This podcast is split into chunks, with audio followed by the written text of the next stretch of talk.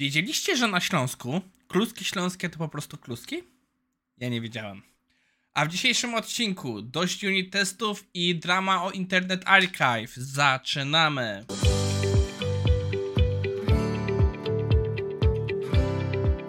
Cześć, nazywam się Maciej Wyrodek, a to jest odcinek na 11 kwietnia 2023.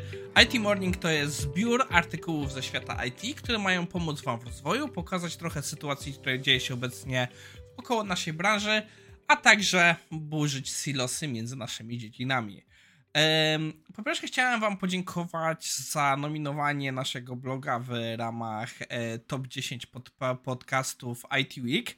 E, przyznam się szczerze, nie byłem świadomy, że w ogóle taki konkurs istnieje i bardzo mnie cieszy, że oddaliście głosy. Jeśli dobrze pamiętam, łączna ilość głosów w rankingu to było coś e, półtora tysiąca głosów. Nie wiem, ile zostało na nas oddanych głosów, ale bardzo mnie cieszy, że trafiliśmy w ogóle w taki ranking. Bardzo mi z tego powodu miło. E, druga rzecz, e, artykuł, i teraz wybaczcie mi, muszę przypomnieć sobie nazwę, bo to było, bo niestety nie jestem dobry w takich rzeczach. Geek Like Us na temat źródeł wiedzy, także wymienił nas. Bardzo dziękuję, że chcieliście nas wspomnieć jako jedno z źródeł wiedzy, z których można korzystać. Jest mi nie, niezmiernie miło, bo bardzo mi zależy na dzieleniu się wiedzą, więc tyle słów wstępu. E, przechodzimy do naszego pierwszego artykułu. O, muszę go przełączyć, bo tutaj coś poszło nie tak. Jest to artykuł, który przyznam się szczerze, spodziewałem się, że będzie ostrym clickbaitem, bo tytuł jest I'm done with the unit and integration test. Spodziewałem się, że autor będzie miał e, bardzo takie e, że te rodzaje testów są złe, ale rozchodzimy znowu się o nazewnictwo. Autor porusza parę ważnych kwestii. Po pierwsze, on mówi, jak on rozumie unit testy, integration testy i przyznam się szczerze, jego definicja jest kompletnie odmienna od mojej. Autor zaznacza, że w jego interpretacji unit testy to są testy, które po pierwsze testują bardzo mały fragment kodu, ale są kompletnie niezależne od jakiegokolwiek inputu i outputu, hardware'u i innych zależności. Dzięki temu, jak on później będzie mówił, są bardzo szybkie i bardzo przewidywalne. Bo wszystkie te zależności wprowadzają pewne niestabilności, które wydłużają test i mogą spowodować, że on na czym się wybije. I idąc tą definicją, to co my rozumiemy jako testerzy, jako testy end-to-end, są testami integracyjnymi. I w tą jego definicję to się wpasuje. I autor zaczyna mówić, że jego problem jest jak prowadzi szkolenia, rozmawia z innymi, że są parę punktów frustracji. Po pierwsze, każdy ma swoją definicję. I to jest chyba największy problem w ogóle całego IT. Nie mamy wspólnych definicji. Są tysiące definicji na wszystko. Język ciągle ewoluuje. Jesteśmy w bardzo wstępnej fazie istnienia IT z perspektywy większości terminologii używanych przez inne branże co powoduje, że te terminy naprawdę każdy ma z nas inne definicje. Ja się śmieję, że tam y, y, ile, jak spotkają się dwóch testerów, to mamy pięć definicji testowania. I no to jest trochę pokazanie tej sytuacji, że to faktycznie tak wygląda. Mamy wiele tych rzeczy, które się przecinają, wiele tych osób, które ma inne spojrzenie na to same rzeczy. Ale co jeszcze ciekawego autor zaznacza, że no te różnice powodują długie dyskusje e, w definicjach.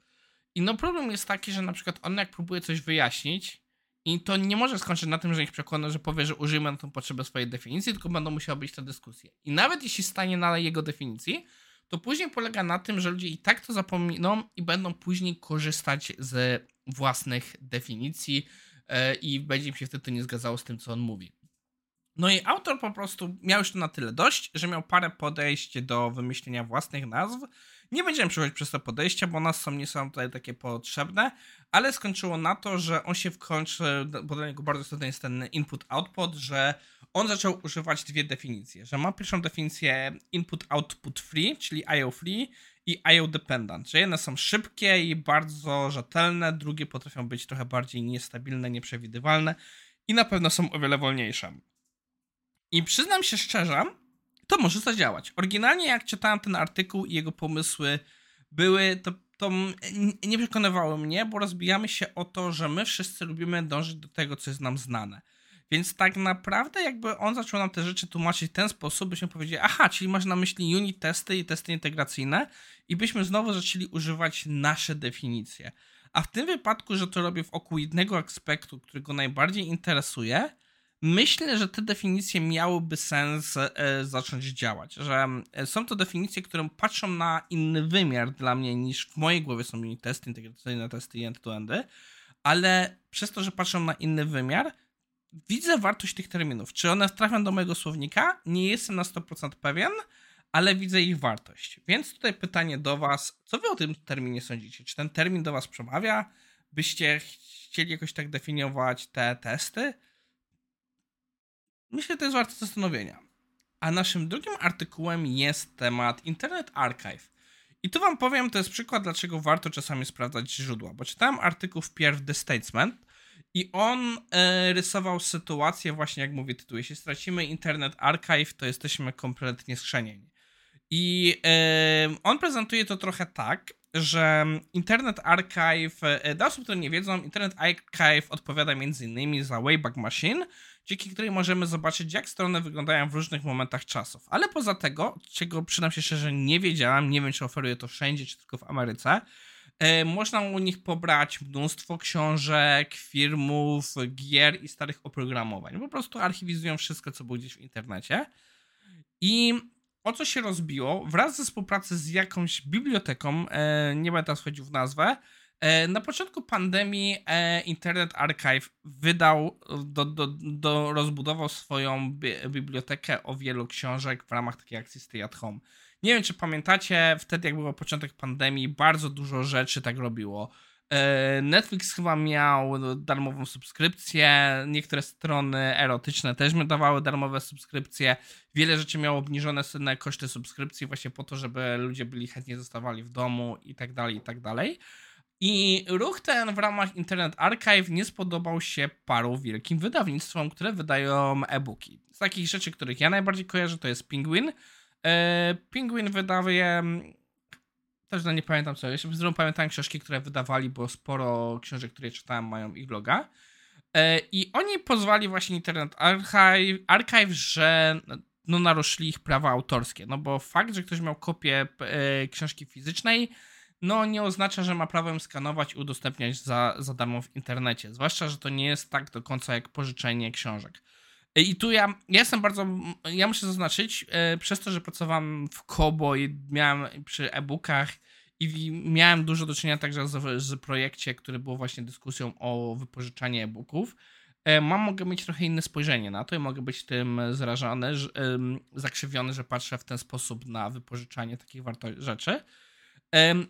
I ten post bardzo buduje sytuację, że po prostu sąd był, że sędzia był stronniczy, czy że tak naprawdę jest to duży przekręt prawny i że jeśli w ogóle e, to się nie uda, to tak naprawdę jesteśmy zgubieni. Ja wręcz odebrałem czytając ten artykuł, że tak naprawdę oni zagrażają całemu Internet Archive, że jeśli to nie wyjdzie, to cały Internet Archive patrzy. E, natomiast NPR, NPR, o którym mam obecnie też nie za dobre zdanie, uważam, że jest bardzo stronniczy, ale w tym wypadku moim zdaniem zrobił o wiele bardziej zbalansowany artykuł, zaznacza wprost, że no rozbija się o naruszenie praw autorskich, że wchodzimy tutaj z jednej strony trochę w szarą strefę, bo nie ma takiego wprost przykładu, który można byłoby użyć, żadne prawo wprost o tym nie mówi, ale no coś tutaj jest nie tak, że w momencie, kiedy oni mają prawa te książki sprzedawać i tak dalej, ktoś inny udostępnia te książki e, za darmo bez ich zgody, kiedy oni są właścicielami praw autorskich do tych książek albo przynajmniej ich kopii,